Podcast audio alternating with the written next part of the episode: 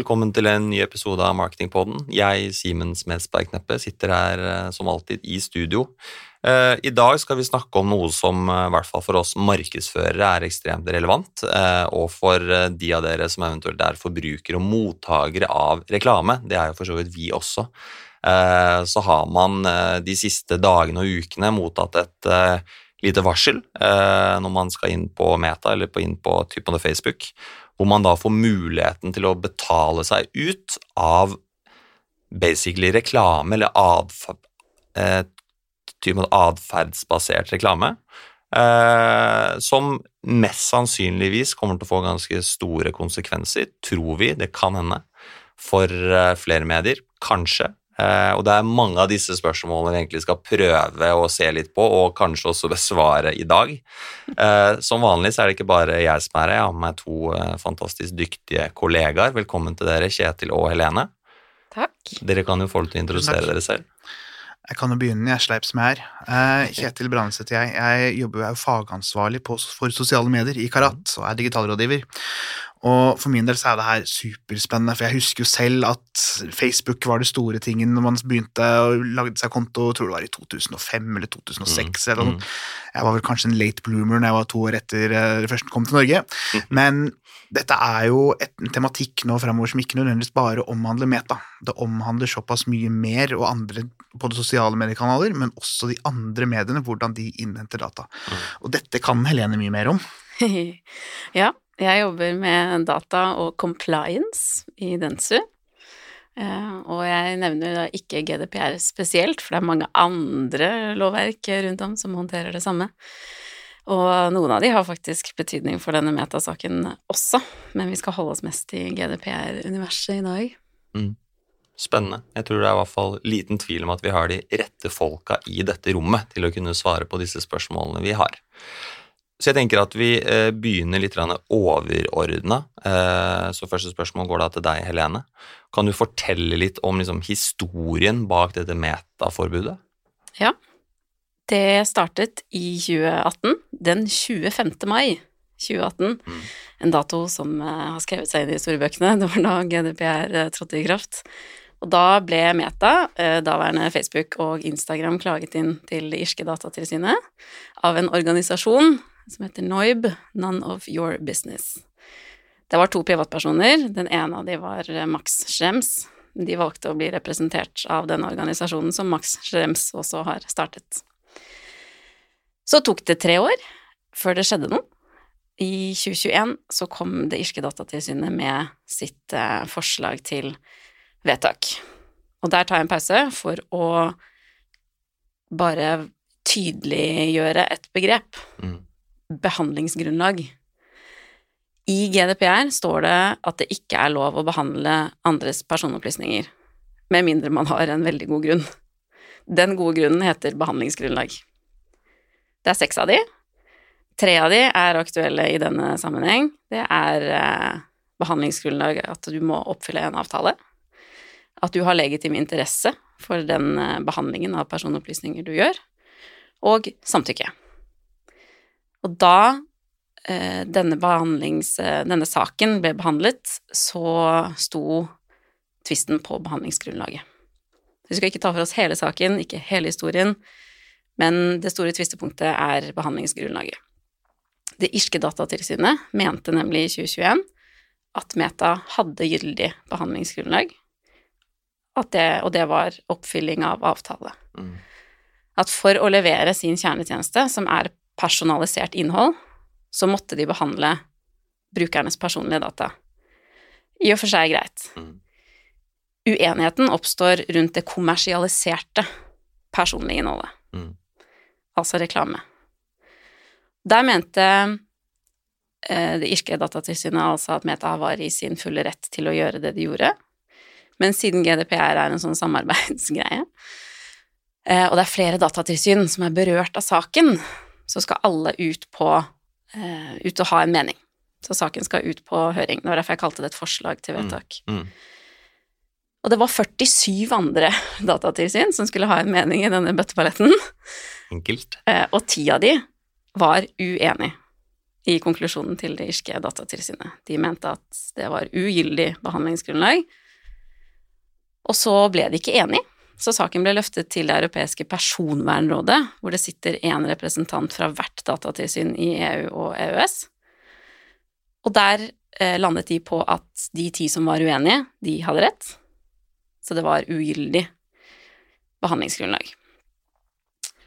Bare for å Altså tidsaspektet her. Hvor lang tid snakker vi da etter at GDPR først kom? Den beslutningen til Personvernrådet kom i starten av desember i fjor, 2022. Så det er, det, ting tar tid. Ting tar tid. Det er fire og et halvt år Ja. etter klagen, og drøye fire år etter at de begynte saksbehandlingen i Irland. Og det som skjer når Personvernrådet fatter sin beslutning her, er at det, da overstyrer de det irske datatilsynet, så da må de fatte sin offisielle beslutning basert på det Personvernrådet sier. De hadde også kommet med forslag til bøter, irene, som også ble skrudd kraftig opp av Personvernrådet. Så i januar så kom den offisielle beslutningen, og da fikk Meta tre måneder på seg til å finne nytt behandlingsgrunnlag. Mm. Det gjorde de. I april så kom de med legitim interesse, og så tok det vel eh, to-tre måneder, og så fikk de ganske klar beskjed om at det heller ikke var ok. Det kom fra en annen instans som vi ikke trenger å gå inn på, men den står det nå. Så da har de egentlig bare ett reelt alternativ igjen, og det er samtykke. Mm. Og det begynner Meta å jobbe med, og de er i prosess eh, sammen med det irske datatilsynet. Men da hadde det norske datatilsynet fått nok. Fordi Meta hadde jo ikke stanset denne databehandlingen i mellomtiden, mens de lette etter en måte å komme i samsvar på. Så da smalt det eh, et forbud, da. Og det var jo ikke noe nytt, egentlig. Alt var jo etablert. Dette er ugyldig, altså ulovlig, om du vil.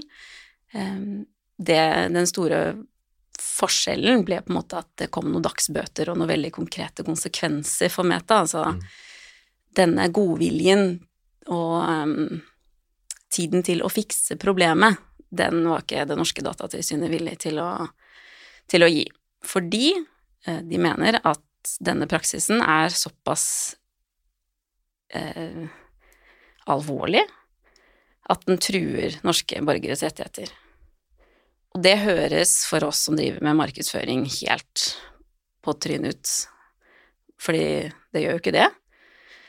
Men så har du jo andre aspekter eh, ved den samme profileringen.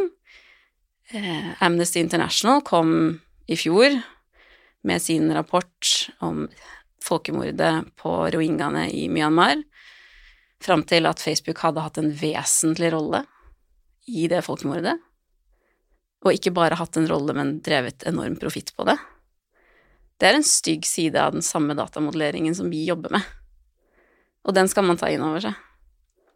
Så ja, det høres voldsomt ut når Datatilsynet har svulstige formuleringer, men de er jo De er kanskje også Ja, de er jo basert på noe. Mm. Um, så ja, da står vi i august, da. Dags, dagsbøter og forbud. Eh, det er en, et midlertidig forbud, det varer tre måneder. Det heter et hastevedtak under GDPR. Og de starter nok umiddelbart med arbeidet sitt om å løfte dette til europeisk nivå. Det gjorde de også, og så ble det jo fattet av det samme personvernrådet som eh, skar igjennom beslutningen i utgangspunktet, at dette skal gjelde for alle, Meta må opphøre sin praksis umiddelbart.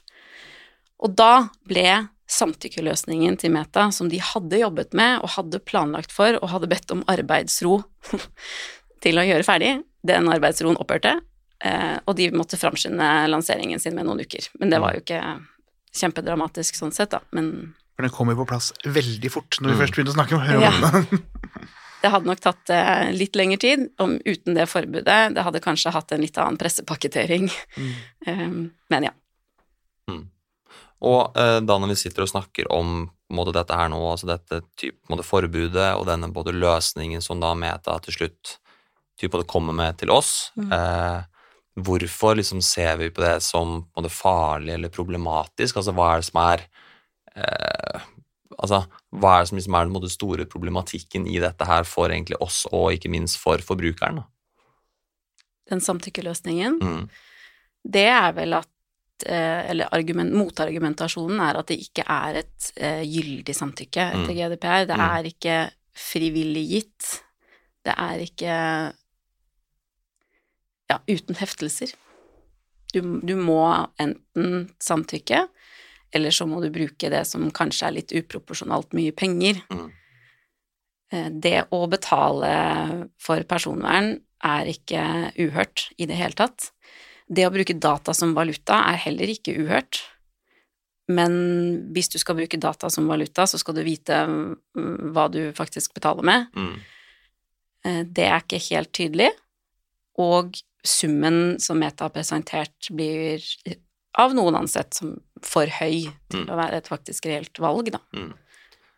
For det er jo i stor grad dette her egentlig det handler om fra Metas side. Så handler jo Det handler ikke, kanskje ikke så mye om lover og reguleringer, men det handler kanskje mest om penger. Og det at faktisk eh, inntektsgrunnlaget til Meta er jo ganske enkelt og greit eh, de annonsene de får inn. Eh, og hvis mange nok, ikke bare nordmenn, men mange nok personer i hele EU begynner å betale for Meta, betaler for å bruke kanalene, så er kanskje ja, da er man ikke like lønnsom lenger. Og da er jo en det er jo en problematisk mm. situasjon for Meta sånn sett. Absolutt. Eh, til nå har vi jo snakket for det meste om Meta, eh, men det her er jo helt sikkert noe som kanskje på sikt også kommer til å få konsekvenser for de andre sosiale mediene. Kan du si litt om det, og hva vi tror, eller hva vi kanskje både håper eller ikke håper kommer til å skje eh, i fremtiden? Ja, nå er vi jo over på det jeg liker å snakke om, fordi dette er jo optimistisk og kjempebra. Vi har fått konkret veiledning. Og det aller beste med det er at det er ikke vi som trenger å løse noe som helst. Det er det de store plattformene som må gjøre. De må vurdere sin praksis opp imot uh, meta sin, da, som er det eksempelet vi har å se til. Uh, driver vi på samme måte? Må vi basere oss på et annet behandlingsgrunnlag enn det vi gjør i dag? Og justere seg mm. hvis de må. Mm. Ikke sant? Det er ikke noe vi får gjort, det er ikke noe annonsørene i markedet får gjort. Dette handler om hva slags datapraksis og businessmodell disse store annonsegigantene har. Og de har fått et veldig klart signal fra Datatilsynet på at de må gjøre, en, gjøre den vurderingen. Mm. Og det er de i full gang med å gjøre. Og inntil da må annonsørene gjøre sine vurderinger, vite hvilken data de deler med disse plattformene, Sånn at dersom de har et såkalt medbehandleransvar, så må de ta det inn over seg. Hvis de har et medbehandleransvar, så er de basert på, på måte, det samme behandlingsgrunnlaget som det plattformen har valgt, ikke sant. Det er noen sånne ting man må orientere seg eh, om, men eh, det å ha et medbehandleransvar eller å ha et behandlingsansvar, det er ikke nødvendigvis noe skummelt eller noe farlig, man må bare vite om det. Mm.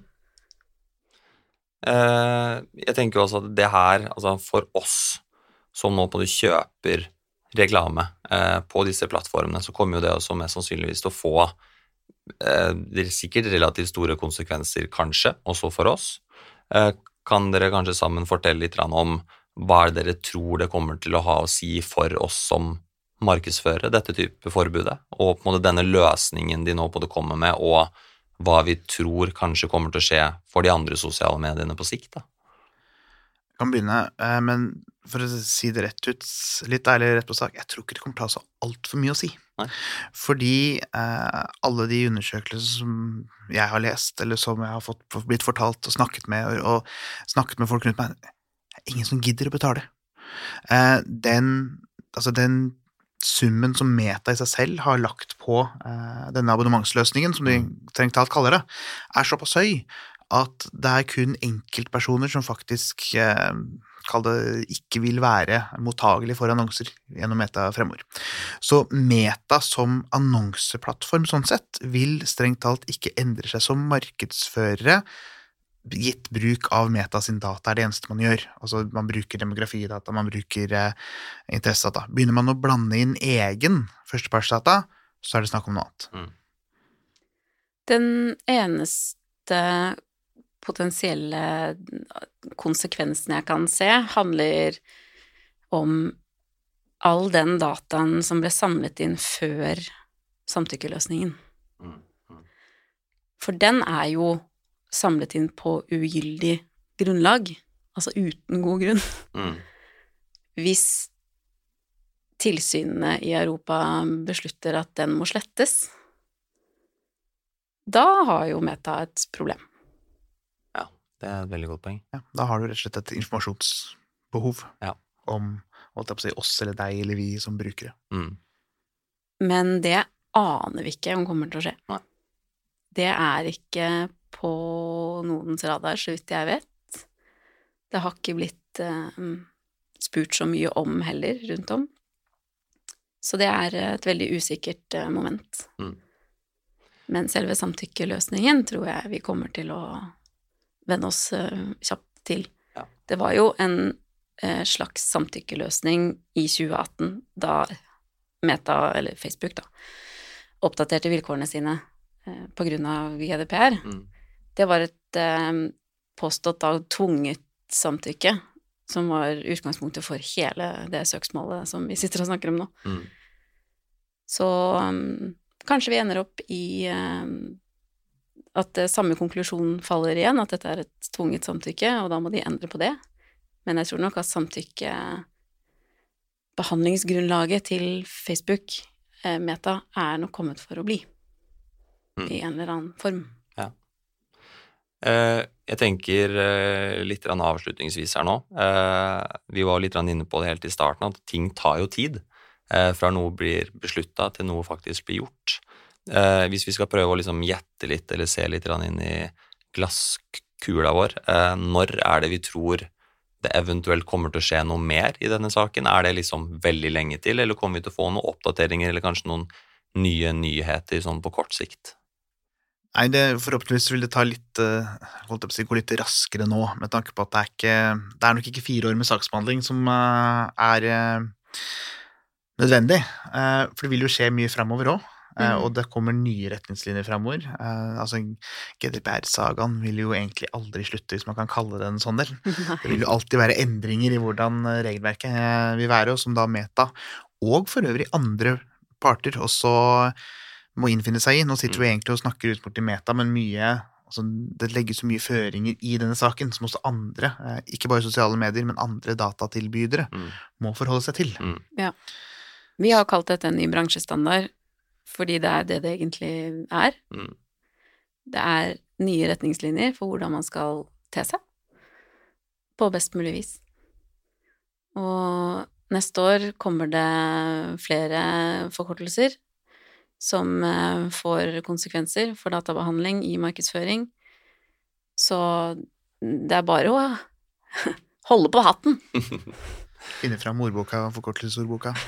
Rett og slett. Eh, og med det så tror jeg at vi sier at det var det vi rakk for nå. Eh, det er ikke noe tvil om at det er ekstremt mye vi både som markedsførere og ikke minst forbrukere er nødt til å sette oss inn i. Eh, det kommer til å komme også mye mer, så mest sannsynligvis så kommer vi sikkert til å sitte her igjen vi om et år og snakke om eh, hva er det som nå rører seg. Eh, men i hvert fall fram til da så tusen takk til dere begge for at dere kunne stille. Eh, og så klart har du noen spørsmål både til dette her, er litt usikker på hva du skal gjøre, hvordan du skal forholde deg, så ta kontakt eh, med enten meg eller deg eller deg, for så vidt. Eh, så høres vi igjen. Ha det bra.